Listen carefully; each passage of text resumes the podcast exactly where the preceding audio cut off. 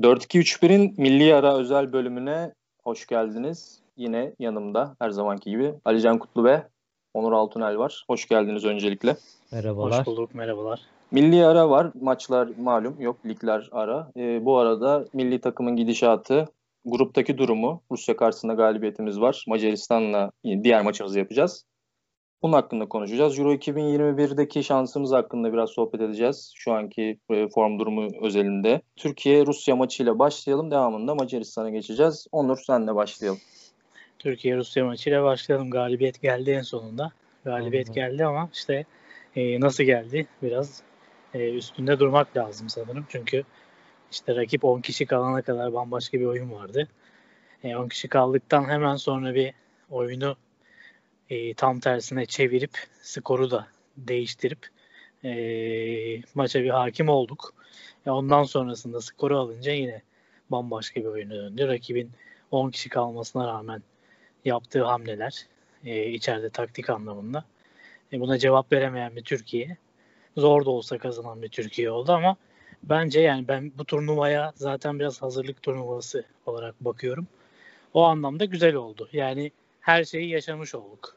Geriye düşmek, rakibin 10 kişi kalması, 10 kişi kalsa da baskı yapabilmesi, bizim buna karşılık veremememiz gibi böyle yani kötü senaryolar, iyi senaryolar.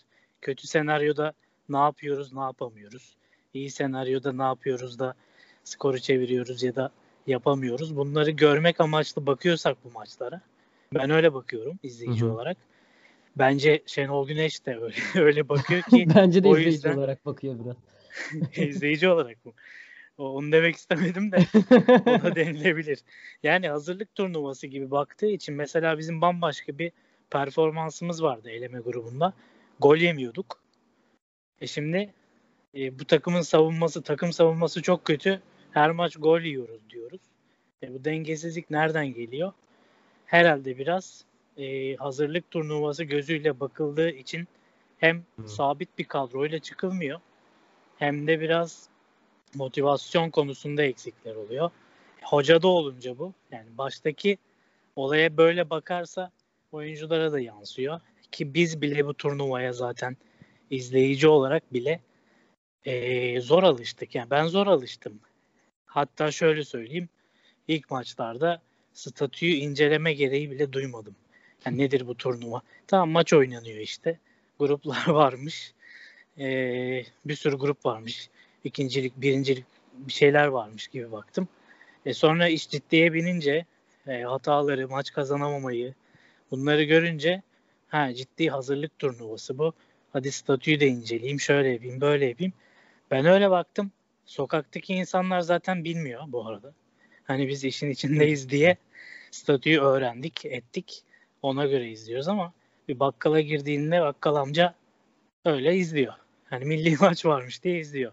Tek maçlık böyle. Hani kazandık, kaybettik.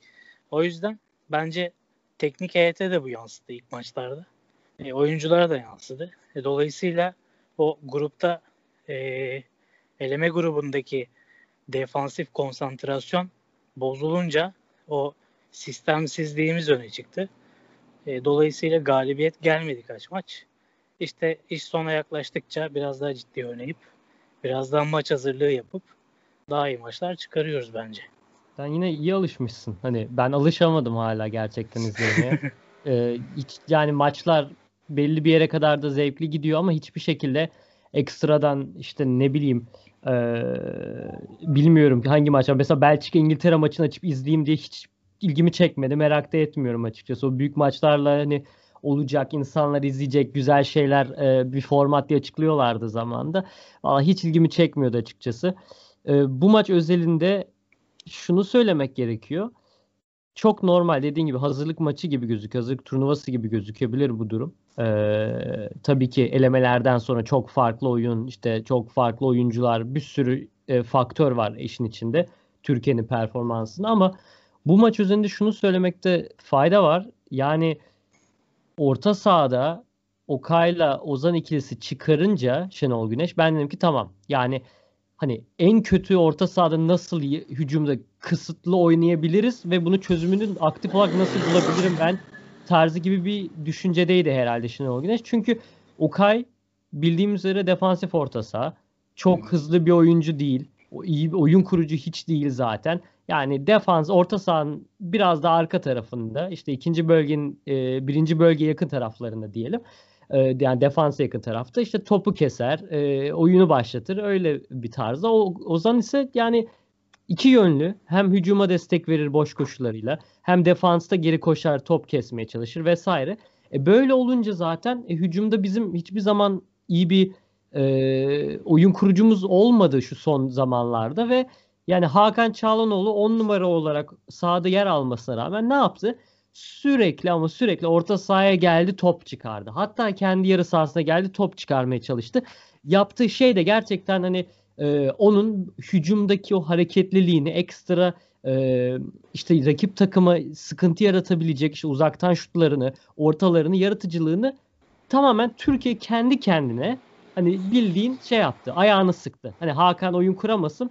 Biz bir şey oynamaya çalışalım tarzı gibi bir şey dedi ki öyle de oldu bence. Yani Türkiye'de 10 kişi kalmasaydı Cengiz'e top geliyordu ki Cengiz 10 kişi kaldıktan sonra yine aynısı oldu. Daha fazla oldu hatta. Cengiz topu aldı. Sağdan içeriye çekiyor. Gol atmaya çalışıyor. Şut çekiyor. Sürekli şut çekiyor. Uzaktan, kale yakından, ceza sahasından vesaire vesaire. Şöyle bir şey söyleyeceğim. Katılır mısınız bilmiyorum.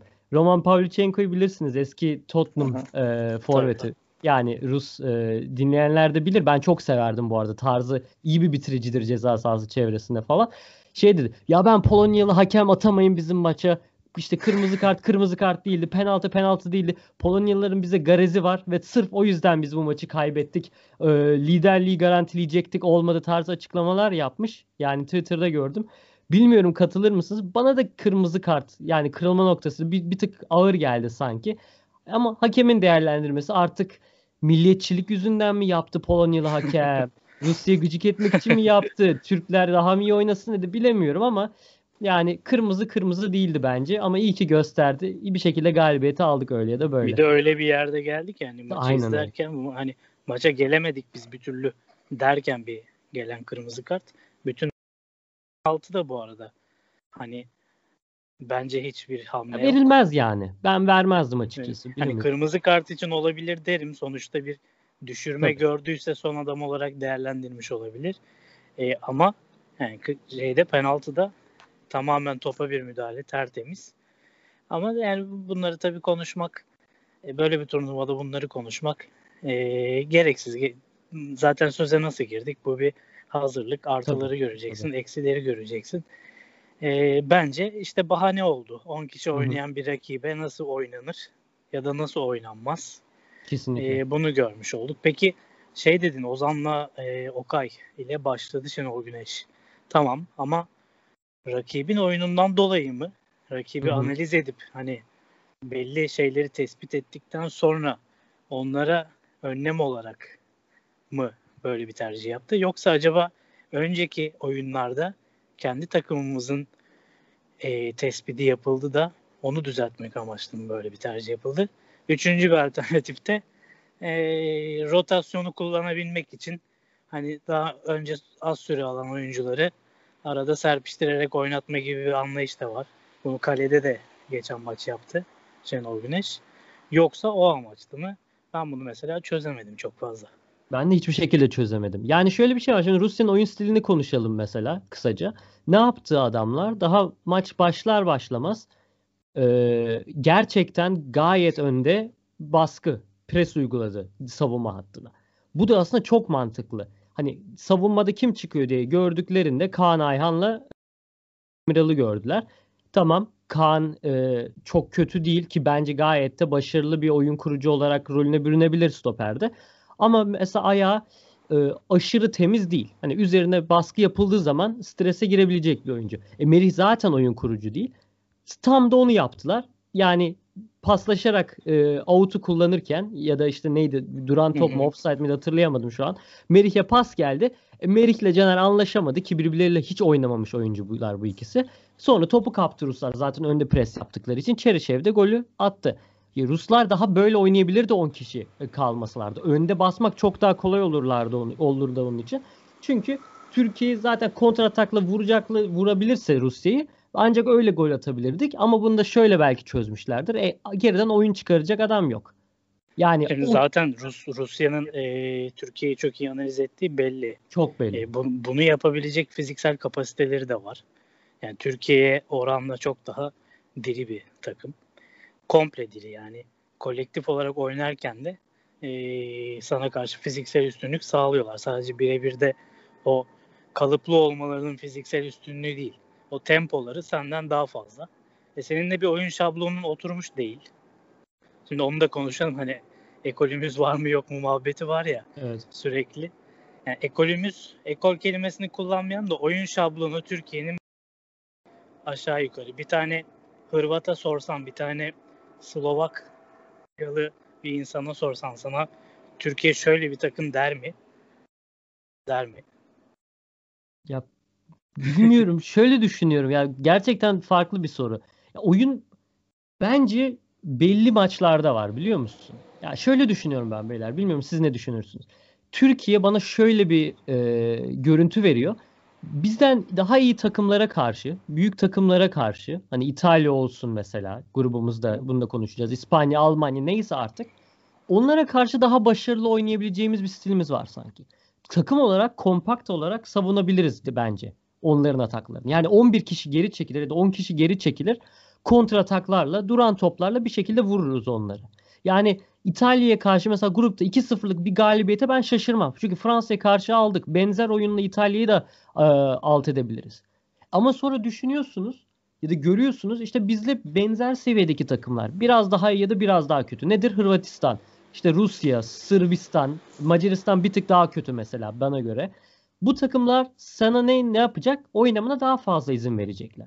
Çünkü onlar asıl favori değil. Onlar işte Fransa gibi seni set hücumlarıyla boğabilecek durumda değiller ya da yetenekli oyuncularıyla tamamen kilidi çözecek durumda değiller. Yani Türkiye büyük takımlara karşı o set savunması, kompakt savunmasını yapar, kontrataklarla vurur. O şekilde bir oyun stili gösterir ki bence bunu yine Euro 2021'de de görebiliriz. Ama mesela e, Euro 2021'de Galler'e karşı, İsviçre'ye karşı bunu ne kadar yapabilir? Bence yapamaz. E bunu yapamayacağı zaman Türkiye'nin hücumda çeşitliliğe ihtiyacı var. Farklılığa ihtiyacı var, dinamizme ihtiyacı var. E bunu gördük mü şu ana kadar? Ben görmedim. Siz işte bu dinamizm mi? dediğin gibi e, iyi olduğunu düşündüğümüz takımlara karşı daha dinamik oynuyor evet. takım. Yani defansif dinamizmi de hücum oyuncularının defansa o yardımlarındaki tempoları artıyor.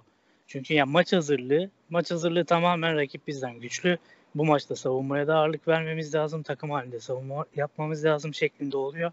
En üstteki oyuncuda bile bunu görüyorsun. Ama rakibin seninle eşit veya bir tık alt seviyedeyse bu takımların zaten senden fiziksel üstünlüğü oluyor genelde. Evet. Ee, ya Balkan ülkeleri oluyorlar, Rus e, ya ve çevresindeki ülkelerden oluyorlar. Fiziksel üstünlükleri var ve sen küçümsemişsin. Ee, işte bir şekilde oyunu rakip alana yıkarız demişsin. Böyle başlamışsın maça. Öyle bir baskı yiyorsun ki 10 dakika 15 dakika dönemsel olarak. Bazen sen yığıyorsun oyunu ama onların böyle 10-15 dakikalık baskılarına cevap veremiyorsun. Bu da ya bence maç hazırlığı çok önemli bu konuda. Ya şey olabilir mi? Milli takımdaki bütün oyuncuların Hakan Çalhanoğlu haricinde genelde kendi sahasında bekleyen takımlardan kurulu olmasından kaynaklı oyun disiplinine oturmuş olabilir mi belki? Ya, Türkiye Ligi'nde oynayanlar haricindeki Avrupa'dakiler çok da e, hücumu otur, oturaklı bir hücum organizasyonu yok. Hadi Lille'i de ekleyebilirim belki. Daha hücum gücü Leicester yüksek bir takım. Leicester bence ya. Ya Leicester'da işte onu da şeyden eledim biraz daha. Bu seneki işte defans yani kontra ataktan Doğru. gol buluyorlar ya daha defansı Doğru. sağlam bir takım, daha oturaklı bir takım gibi gözüktüğü için ya zaten Ozan Caner ikilisi Caner yeni dahil oldu. E, Fenerbahçe, Beşiktaş, Galatasaraylıları da elince Avrupa'dakiler belki de e, bu sistemle e, oyunu öğrendikleri için böyle gidiyor da olabilir diye düşünüyorum. Olabilir. Milli takımda yani. sonuç olarak birlikte oynuyorlar ve tabii, yani tabii. belli bir oyunu öğrenmiş bu adamlar. Çok mantıklı aslında. Yani bir taraftan düşününce olabilir diyebiliyorum açıkçası. Ama bir de şöyle düşün. Hepsi bir araya gelince Türkiye takım olarak daha iyi bir takım oluyor kendilerinin oynadığı takımlardan. Yani oyuncuların kalitesi, Türkiye milli takımının e, şu ana kadar oynadığı en azından 2020 yılında oynadığı rakiplerin hepsinden Fransa ile oynamadığımızı hatırlıyorum yanılmıyorsam. E, hepsinden daha iyi milli takımın kalitesi.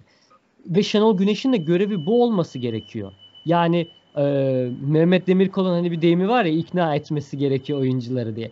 Yani belki bir tek ona o, o konuda katılmasam da belki de bu konuda söylenilebilir. Yani oyunculara denilmesi gerekiyor ki beyler bakın savunma yapmamıza çok fazla gerek yok. Biraz daha yaratıcı olun. Biraz daha işte e, boş koşular yapın. Pas verdikten sonra hareketlenin. İşte ne bileyim, birbirinize yardım edin. Bu şeyler çok ortada yok gibi gözüküyor. Ben şöyle bir şey mesela e, söyleyebilirim. Kenan, Cenk, Hakan üçlüsü birbirleriyle ne kadar dikkat ettiniz bilmiyorum ama gayet iyi oynadılar aslında. Yani üçünde Almanya geçmiş var. Almanya doğumlu üçü de. Yani Almanya'da yetiştiler. Bilmiyorum kendi aralarında hani birbirlerine pas ver, bırak, atla, zıpla bir şeyleri Almanca mı söylüyorlar, Türkçe mi söylüyorlar, diğerlerinden farklı bir şey mi yapıyorlar bilmiyorum ama orada bir uyuşum var, uyuşum vardı yani. Yani bir o uyum biraz var. oyun oyun akıllarının benzer olmasından kaynaklı ama ben problemin ön tarafta olduğunu düşünmüyorum. Ya oyun ön tarafa geldiği zaman tamam santrfor eksiğimiz var ama ön tarafa geldiği zaman bir şekilde e, çoğalınıyor ve pozisyon bulunuyor. Ama ikinci bölgeden üçüncü bölgeye geçiş konusunda. Çok sıkıntı yaşıyoruz. Burada bilmiyorum yani belki de gerçekten Şenol Hoca'ya sorsak diyecek ki orada bir e, maestro eksiğim var. Ya savunmada Çağlar gerçi bu işi çok iyi yapıyor ama savunmanın önünde belki işte yabancı futbolculardan örnek vereyim. Bir Jose Sosa'sı ya da Türklerden örnek vermek gerekirse bir Emre Belezoğlu'su savunmanın önünde yok. E belki bundan dolayı direkt oyun işte geride bekleyip ileriye direkt oyunla çıkış gibi bir şey düşünüyor olabilir ki Şenol Güneş bunun takımlarında da zaman zaman zaten yapar. İyi de yapar. E, ama ben ya bunu planlıyorsa da bazı takımlar karşısında baskı yediği zaman o direkt hücumla çıkamamayı e, çıkamamanın sorununu çok yaşadığını düşünüyorum. Bunun da dakikaları uzadığı zaman ciddi baskı yiyorsun. E, baskının sonucunda da gol geliyor. Bu sefer geriye düşüyorsun. E, bu büyük problem. Ama e, Euro 2021'deki ben rakiplerimize bakıyorum. Bence güzel rakipler. Öyle mi Yani diyorsun? bu bu sorunları minimum yaşayacağımız rakipler gibi geliyor bana. Ben emin değilim o konuda. Yani oraya geçeceksek ben dediğim gibi hani İtalya'dan puan almamız ya da İtalya'dan galibiyet almamız sanki Galler'den galibiyet almamızdan bir tık daha muhtemel bile olabilir diye düşünüyorum. Sırf şeyden dolayı en basite indirgeyeceğim şu anda. Türkiye büyük takımlara karşı sistematik iyi bir oyun oynayabilirken dediğimiz gibi bu diğer takımlara karşı e, özellikle orta sahadaki o sıkıntıları daha kolay yaşayabilir. Rakip takımlar da bunu iyi analiz ederse gerçekten işimiz zor olabilir. Yani şöyle soru sorayım size. İtalya 2-0 yendik. Galler bizi 3-1 yendi. Şaşırır mısınız? Şaşırmam. Ben de şaşırmam. Ya Abdü sen ne diyorsun bilmiyorum ama Ya Yani- Galler cephesinde taşıyıcı Bale'ları artık yok bir umudum o açıkçası. Ve Yani Euro 2021'de şey o Pablo'nun dediğine şöyle bir düşüncem var. Başakşehir'den Berkay belki bir tık daha sezon Mesela. sonunda tecrübelenip daha oturursa o 6 numaraya hani çünkü Ozan değil o. Hakan zaten Milan'da o işi yapmıyor. Belki Berkay turnuvada çıkarır diye düşünüyorum. ya 6-8-10 diye düşünürsek 6'ya Okay'ı koysak, Okan'a o şey ona Hakan'ı koysak 8'e İrfan bence mükemmel olur. Orkun çok iyi olur.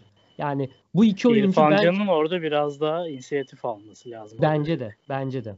Yani, Yani eksik kendisini artık. ön taraftaki e, o pas alışverişinin içine dahil etme konusunda başarılı ama geriden getirme konusunda da bence bir rolü olması lazım. Ya bunu hoca verecek ve kendi e, buna ikna olacak. E, ona göre bir kurgu olması lazım. Yani gerçekten geriden oyun kurmakta sorun yaşıyorsa bu kadro, hoca böyle düşünüyorsa elindeki isim İrfan Can.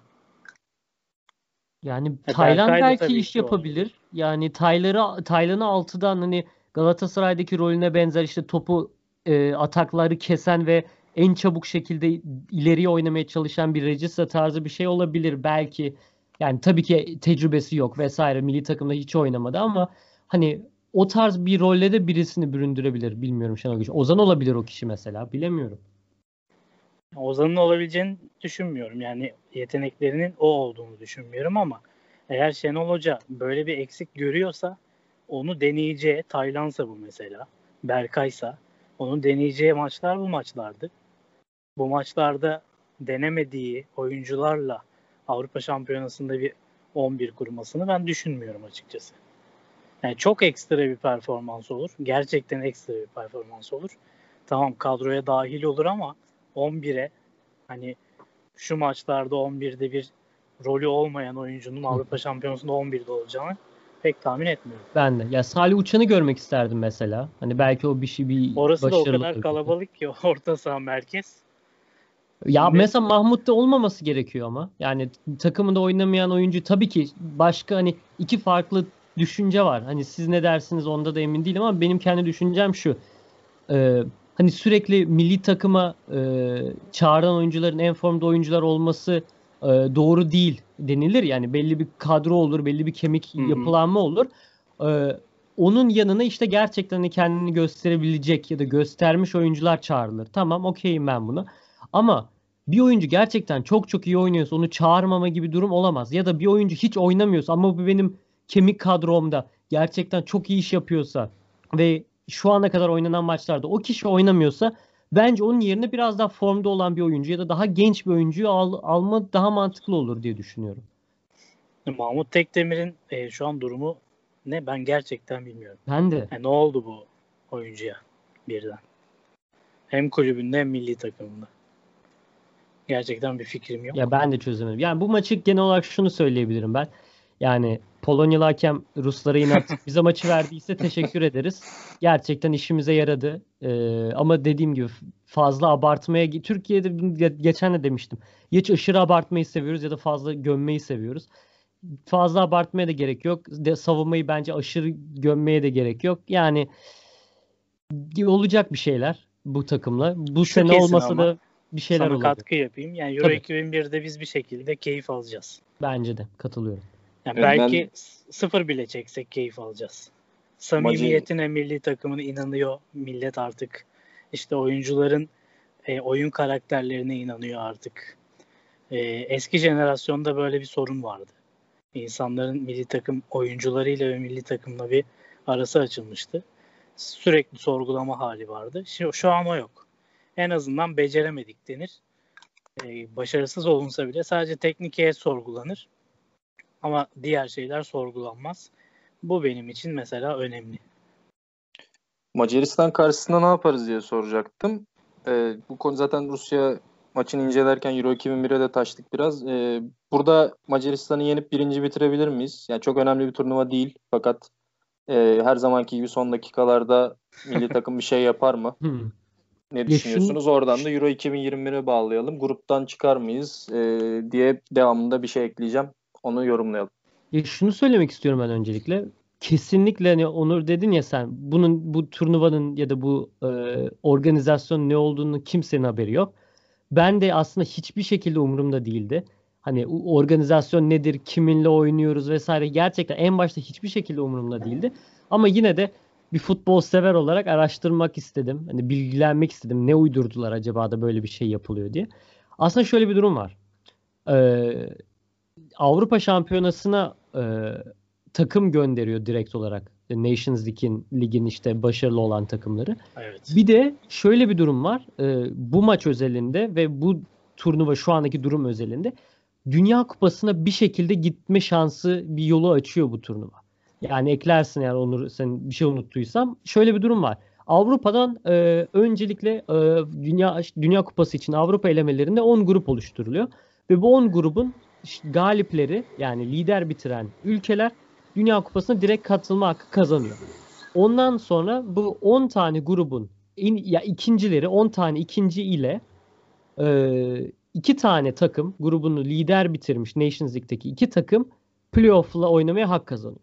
Yani şöyle söyleyebiliriz. Türkiye zor bir gruba düştü diyelim. Dünya Kupası elemelerinde.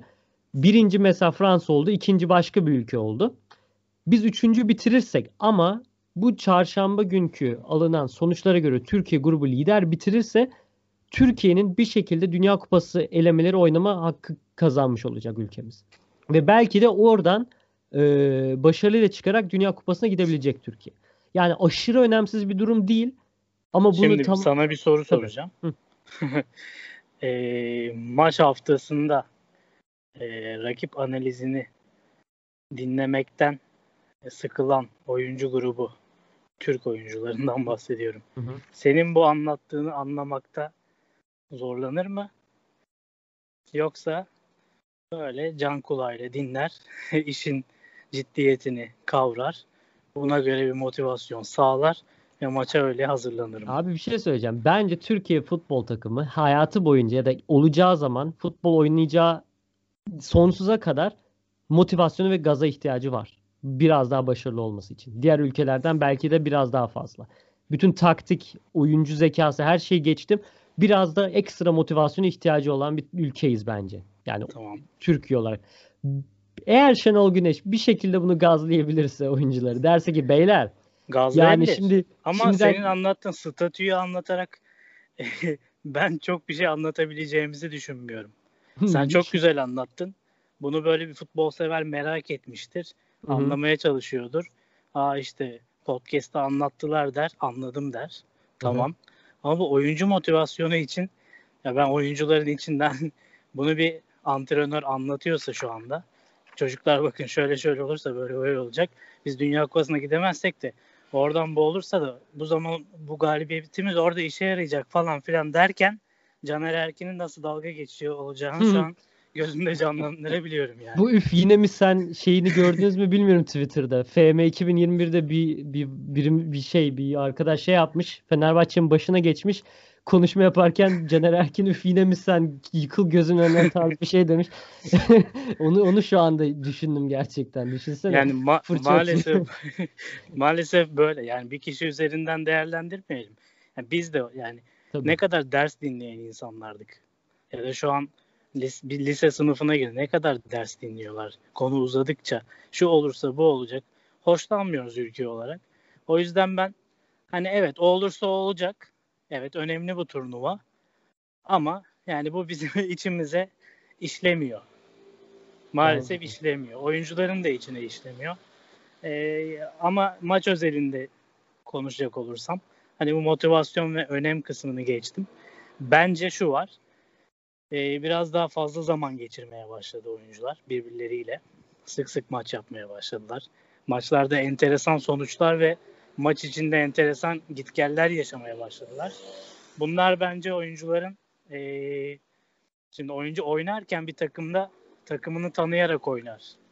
Ee, ve bir önceki maçtan bir sonraki maça geçerken bir önceki maçta yaptıkları şeyleri yapmamaya çalışa çalışa. Şu an o sıcaklığı bence yakaladık. Performans olarak bence Macaristan maçında daha iyi bir performans olacaktır. Daha ciddi olunacaktır. Ee, ve son 2-3 maçta yapılan şeylerin e, kötü şeylerin minimuma indiği bir maç olacağını düşünüyorum ben. E, Macaristan da ters bir takım bu konuda teknik anlamda Kesinlikle. bize. Mesela hani Galler yerine Avrupa Şampiyonası'nda Macaristan olsa ben mesela daha çok çekinirdim. Ben de yüzde yüz ben de. Ama yani, Yani- güzel bir test olacak ama. Ters Kesinlikle. geliyor olması yani korktuğumuzun korktuğumuz tarzda bir rakibin böyle bir turnuvada karşımıza çıkıyor olması bence güzel olacak. Ya o sol kanadı bizim bir şekilde kapatmamız lazım. Yani ikinci yediğimiz golde Rusya'ya karşı Caner yani vazgeçti herhalde oynamaktan orada. Dedi ki yedik. Benim yapabileceğim bir şey yok dedi. Hareketlenmedi bile. Yani Caner'in artılarıyla eksileri hani 5 artı getiriyorsa 5 tane eksi getiriyor olabilir defansta özellikle. Yani ne olacak o maçta bilemiyorum. Çok e, aşırı ya iyi kanat oyuncularına sahip bir takım değil Macaristan. Yani Loic Nego'yu düşünebiliyorum hani sol kanadı e, ya kendisi sağda oynayabilen bir oyuncu. Yani orada sıkıntı yaratabilir. E, onun dışında Kalmar biraz daha ya ofansif orta saha ama sağ çizgiye yakın oynuyor. Ama hızlı bir oyuncu değil. Kendisini tutabileceğimiz bir oyuncu. Ke- Teknik de bir oyuncu kendisi. Saboslay ile Kalmar yer değiştirse diyeceğim. Saboslay da boşu gördüğümü zaten şut çeker. Her türlü gol atar. Onu kimse tutamaz. Yani gerçekten çok ciddi Ya bir kanat test olacak. oyuncu kanat oyuncuları hızlı olmasa da geçiş oyununu tehlikeli oynayabilen bir takım. E, Caner geçiş oyunu oynayan takımlara karşı zorlanıyor. Yani kopukluklar Tabii. yaşıyor defansif anlamda. O geçiş oyununda her zaman bir kademede geç kaldığını görebiliyoruz. Yani onun kanadından gelmese bile top sonuç olarak arka direğe seken topta bir geç kalmış Caner görebiliriz. Kesinlikle. Yani şöyle söyleyeceğim. Caner'i Şenol Güneş şey söyleyebilir mi acaba biraz daha geride dursan, yerinden ayrılmasan falan diye ama o da bütün onun bütün artılarını, kalitesini e, bir şekilde Şöyle- kendi kendimize ayağımıza sıkmış olacağız. Asiste yaptıktan sonra Caner'i bence kimse geri gönderemez. Bence de. Ama şöyle, şöyle, şöyle bir şey var. Yani Fenerbahçe'deki Caner'le oyundaki rolünden bahsediyorum. Milli Hı hı. takımdaki Caner çok farklı. Farklıydı yani. yani. Bir yerde 25 orta yaparken bir tarafta 4 ortası falan vardı. Yani Kullandığı top Doğru. sayısı çok düşük. Oyun onun üzerinden işlemiyor. Vesaire vesaire. Ha, defansif anlamdaki eksiklerini e, daha az göstermesine sebep oluyor mu bu? Az top kullanması olmuyor belki. Hı hı. Defansif anlamda her zaman belli bir çizginin altında. Ama en azından hani hücum sadece Caner'in üzerinden işlemiyor. Orada bir hoca dokunuşu var. kesinlikle. Çünkü Orada var. Caner'e bıraksan gerçekten hem o saha içindeki iletişimiyle o domine eder. Gerçekten bırakmaz topu. Hem de gerçek anlamda bırakmaz ayağından. Ama bu milli takımda böyle değil. Bu iyi bir şey yani. Bence de. Ben ben şunu belirtmek istiyorum çok kısa. Ondan sonra gruplara geçebiliriz ya da grup değerlendirmesine. Bizim oyuncular çok sakatlandı ya şu zamanlarda milli maçlarda. Dikkat ettiniz mi? Yani Orkun gitti, Abdülkadir gitti. Ee, geçtiğimiz ya Zeki sakatlandı. Ondan önce de e, bir sakatlık yaşamıştı. Şu anda hatırlayamadım kim ama oyundan Cengiz çıkmak. de döndü değil mi Leicester'a? Yanlış mı biliyorum? Evet evet. Macaristan karşısında yok herhalde. Öyle mi? Cengiz olmayacak mı? Hmm, Onu- ben emin onu- değilim. Ben onu duymadım, şey yapmadım. Ben Evet. de emin değilim ama öyle okudum. Yanlış da olabilir. Şimdi bir şey diyemiyorum ama Cengiz de herhalde sakat diye biliyorum. Yani Cengiz de ona da sıkıntılar yaşamıştı ama sanki Enes geri gitti. Cengiz diye emin değilim açıkçası. Şu anda ben de hatırlayamadım. Ama e, yani Cengiz'in çıktı oyundan çıktıktan sonra Rusya'da da görmüşsünüzdür. Hücumdaki takımın e, hareketliliği inanılmaz azaldı. Zaten çok bir şey yapamıyorduk bir yere kadar. Cengiz çıkınca tamamen ne yapacağımızı şaşırdık. Cengiz Euro 2021'de en önemli silahımız olacak gibi gözüküyor gerçekten. Ve Cenk de çok iyi geri dönmüş. Umarım Cenk böyle devam eder. Şey kışında ara transfer döneminde oynayacağı bir takıma gider de e, katkı sağlar gerçekten. Evet daha zaman da var şimdi hani sürekli performans dalgalanmaları yaşayan oyuncular var. Yusuf Yazıcı bir diyoruz ki işte yedek kaldı forma bulamıyor. Sonra bir bakıyoruz patlama yapmış. Yani bu zamanda olduğu için Avrupa Şampiyonası'nda o arada neler olacak çok da görmek lazım ama hoca tarafından bakınca hocanın belirlemiş olması lazım. Evet. Ya hep diyoruz ki ne oynayacak? E ne oyn- oynayacağını karar verdiysen ön taraftaki de geri taraftaki de e, dörtlülerini beşlerini artık belirlemiş olman lazım. Alptu doğru diyorsun bu arada. Özür dilerim. Araya gireceğim ama Zeki, Cengiz, Enes ve Çağlar e, kadrodan çıkarmışlar. Ya öyle okumuştum. Ee, Cengiz. üzülerek Cengiz konusuna. Hatta bunu da e, bir yere sıkıştıracaktım Macaristan karşısında. E, birinci bitirmeyi hedefliyoruz ama yine her zamanki gibi son da- zamanlarda, son dakikalarda. Fakat Cengiz yok diyecektim. Euro 2021'e bağlayayım buradan. 4-1-4-1 en ideal kadro gibi gözüküyor herhalde. Siz de e, takdir edersiniz ki bu orta saha hücumcu hiç yoktan bolluğunda. Fakat Arda da döner mi diye konuşuluyor şu sıralar. E, Arda döner mi? Dönse ne olur bu 4-1-4-1'e e, gidersek ki yine öyle olmasını düşünüyorum Euro 2021'de Arda'yı bu- buraya bir yere koyabilir misiniz siz hoca olsaydınız? Euro 2021'de gruptan işte Galler 13 puanla şu an grup birincisi. Bizden kötü bir grupta olduğunu konuşmuştuk e, kayıt öncesi. İsviçre sonuncu ama İsviçre her zamanki gibi turnuvalarda ne yapacağı belli olmayan bir takım olduğunu düşünüyorum. İtalya'da zaten birinci grupta iyi götürüyor. E, Türkiye'nin grubu böyle. Euro 2021'e e, de ne düşünüyorsunuz? Gruptan çıkar mıyız? Devamı gelir mi? Turnuvada farklı bir şey oynar mıyız? Ya da Çağlar geri dönecek. Şu an hani e, gol yemeyen milli takım çok gol yemeye başladı. E, gol de atıyoruz. Gol atamıyorduk o dönem. Artık gol atıyoruz. E, Çağlar Merih e, oturursa stoper bölgesinde daha iyi bir görüntü göstereceğimizi düşünüyorum. Euro 2021'de ne olur? Alican başlayalım istersen sen de. Ne düşünüyorsun? 4-1-4-1 dedin çok emin şekilde söyledin ama duyumun mu var? 4-2-3-1'e ne oldu? Bizim ligimizin formasyonu.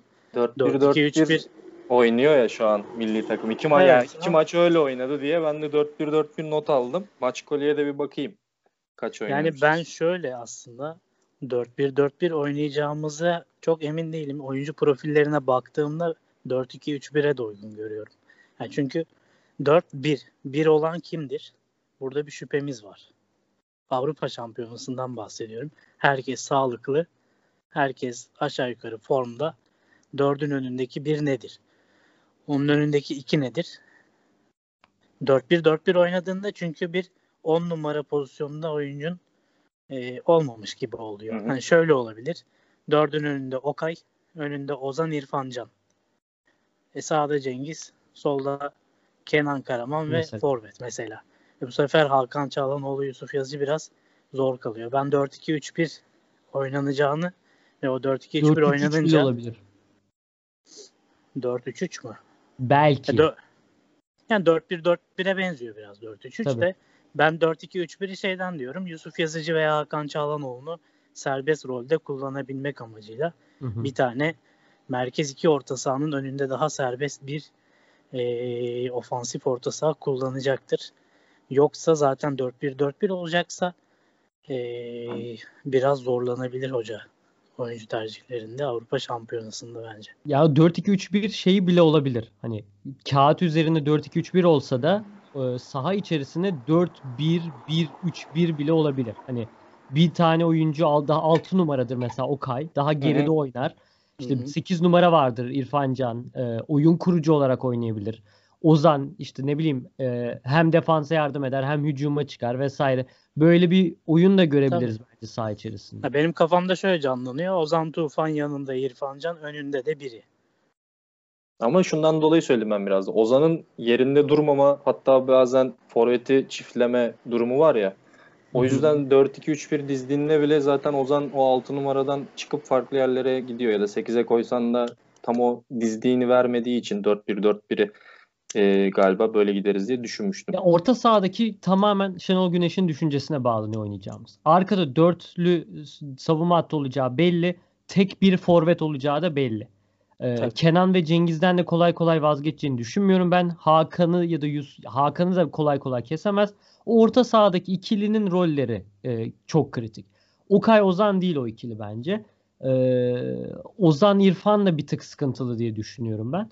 Ee, çünkü hani savunma hattında e, daha açık oynayacağımız maçlarda tamam atağa ihtiyacımız var ama geride dörtlü savunma hattında da e, belki aralarına girebilecek. Çünkü beklerimiz de katkı verecektir yüksek ihtimalle ataklara. E, sadece Merih ve yanında Çağlar'la mesela savunmak biraz daha zor olabilir. Eğer orada Okay oynarsa Okay ileri çıkmasına gerek yok. Hatta mevkisinden hiçbir şekilde ayrılmasına bile gerek yok bence. Geriye bile e, düşüp üçlü savunmaya bile gerekirse yapıp o savunma çizgisini genişletebilir Şenol Güneş. Bana göre kendi düşüncem daha mantıklı olur bu. Ama eğer Okay'ı oynatacaksa yanında oynayacak adam da Ozan olmaz bence.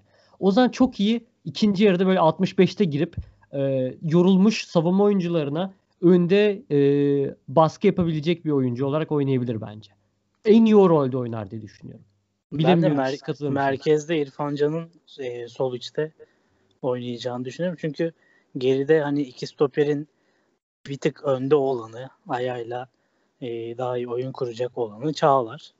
E, Merih biraz da e, geride kalıp Çağlar'la oyun kurduğumuzu düşündüğümüz zaman sol stoperin önündeki oyuncu da daha önde olan e, daha önde oynayabilecek e, İrfan Can olacak bence. Hani ikili merkez orta sahanın sağındaki biraz daha defansif rolü üstlenir. Orada Ozan Tufan'ı hani çok fazla box to box oynatmadan tutabilir mi? Buna ikna edebilir mi? Ya da istediği verimi alabilir mi? Bilmiyorum. Bunu yapabilirse Ozan olabilir. Ee, daha önce tabii Mahmut Tekdemir oluyordu.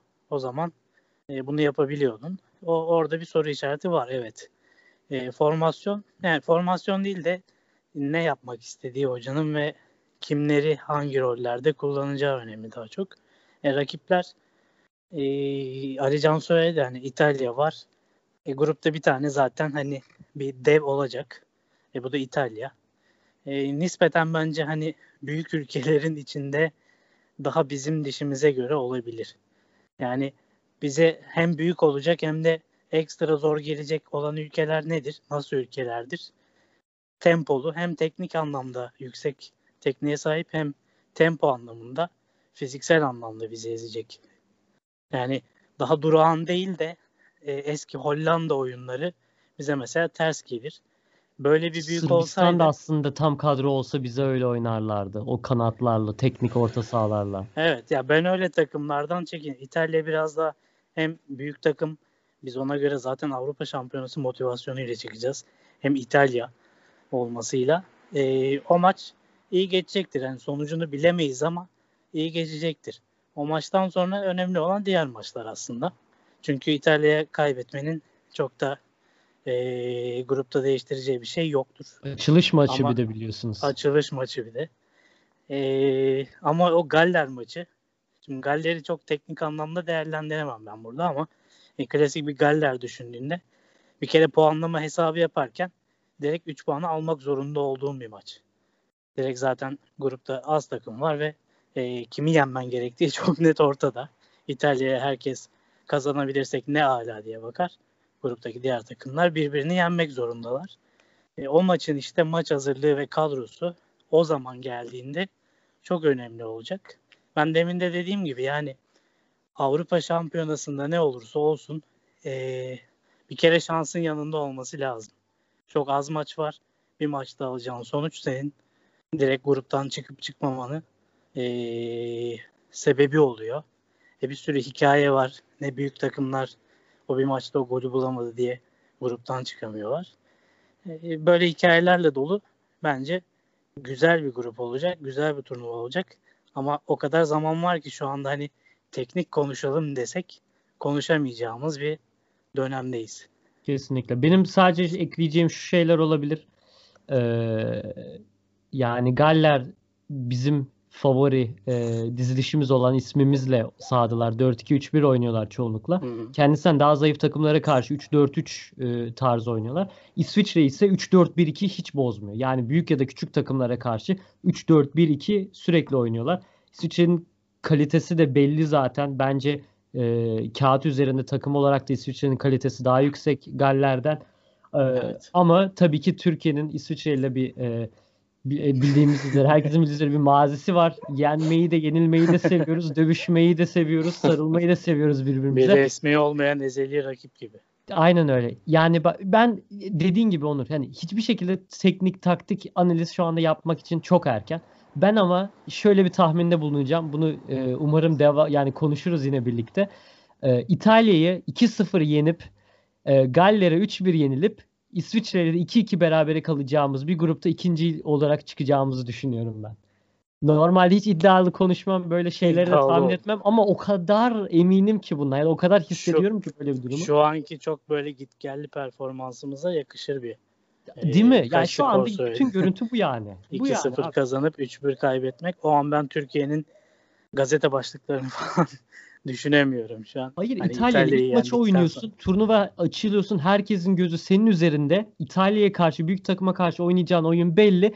Duran toptan ve penaltıdan gelen gollerle ya da kontradan gelen golle 2-0 kazanıp coşuyoruz. Sonra Galler 3-1 yeniyoruz. Duruyoruz ne oluyor? Gerçi ikinci maçımız Galler mi İsviçre mi emin değilim o konuda ama Galler diye hatırlıyorum ben.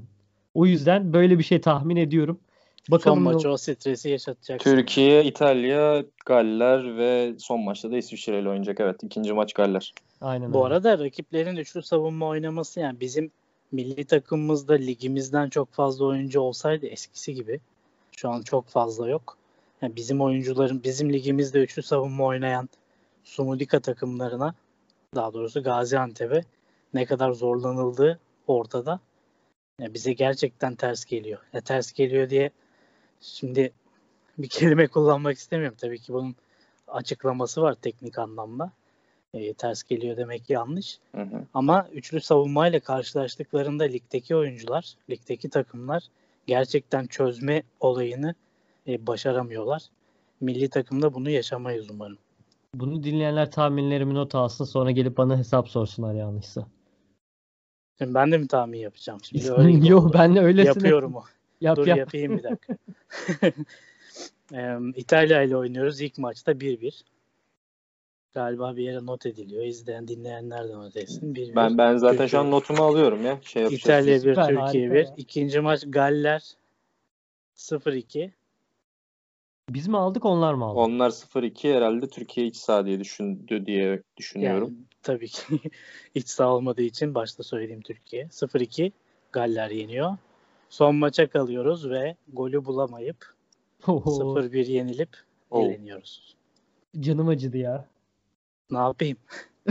Gerçekler böyle acıtıyor. O zaman kapatırken ben de Amerika'yı yeniden keşfeden tahminimi yapıyorum ve Türkiye İtalya ile berabere kalırsa gruptan çıkar herhalde düşünüyorum diye düşünüyorum yani. Bir Diğer puan. maçı oynamam. güzel olacak ya. Böyle 3-3 İki- falan. Şöyle 3 Güzel puan olacak. toplarız herhalde 3 maçta çıkarız. Maksimum 4'e ben, ben 4'e razıyım ya. 4 okey. Yani bazıları üç, dört Galler'i de yeniriz, İsviçre'yi de yeniriz diye konuşuyorlardı. Öyle bir şey yok. Oradan Yani o son maçın İsviçre'ye kalmış olması kötü olmuş ama yani o biraz önce bahsettiğin o nereden çıktığı belli olmayan davamız İsviçre'ye karşı onun yine bir son maç olması. Ah, Arada gibi olsaymış o kadar gergin olmazmış. Son maç olduğu için illaki ya iki takımın da ya en az birinin bir e, hayati maçı olacak o. Yine gerginlik. Umarım yani saha içi gerginliği olur o zaman sadece. maç öncesi alo ben Emre abini duyabiliriz bence. Kime yapacak Emre abimiz? İşte oyunculara konuşacak. Diyecek ki beyler böyle böyleydi 2006'da. Emre Belezoğlu senaristi milli takımda değil mi? Şey yapıyor. Özel davetli diye gelecek. Emre deyince bir- biraz önce Arda Turan diye bir soru geldi. Evet, doğru, Arda- onu, onu böyle Arda'yı Yok, eklemek yok. isterseniz. yok saydık. Hayır Yok. o kadar ge- gelmeyeceğine eminiz ki yani hiç konuşmadık. bunu. Yok ya ben de değerlendirmiyorlar. Hiç duymamazlıktan gelen bir değerli şey oldu. ya ben bir şekilde sakatlık, kaza, bela, ekstra durum olmazsa Arda Turan'ın eee, bir şekilde diyorum tırnak içinde geleceğini tahmin ediyorum. Ama bakalım yani daha Bence çok var. gel- direkt performans yani performansı üst düzeyde kalmazsa zaten e, çağrılamaz. Ama çağrılabileceğinin en ufak sinyalini verdiği zaman da çağrılacağını düşünüyorum.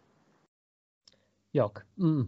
Eh, Yok. Gelmez Ya gerçekten şaka bir yana Gelmez hiç yani Arda gelmez artık bu saatten sonra çağrılmaz bence.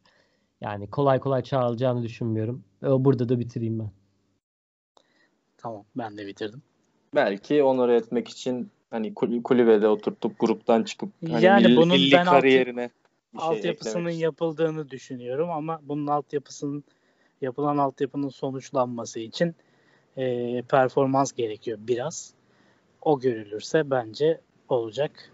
O görülmezse zaten çağrılmıyordu deyip çağrılmayacak ama biraz zaman lazım bakalım. Peki. Ee, öncelikle buraya kadar dinlediler, dinleyen herkese teşekkür ediyorum buradan. Ardından size de yorumlarınız için teşekkür ediyorum. 4-2-3-1'in ikinci bölümüne, milli özel bölümüne noktayı koyuyoruz. Üçüncü bölümde görüşmek üzere. Bay bay. Görüşürüz.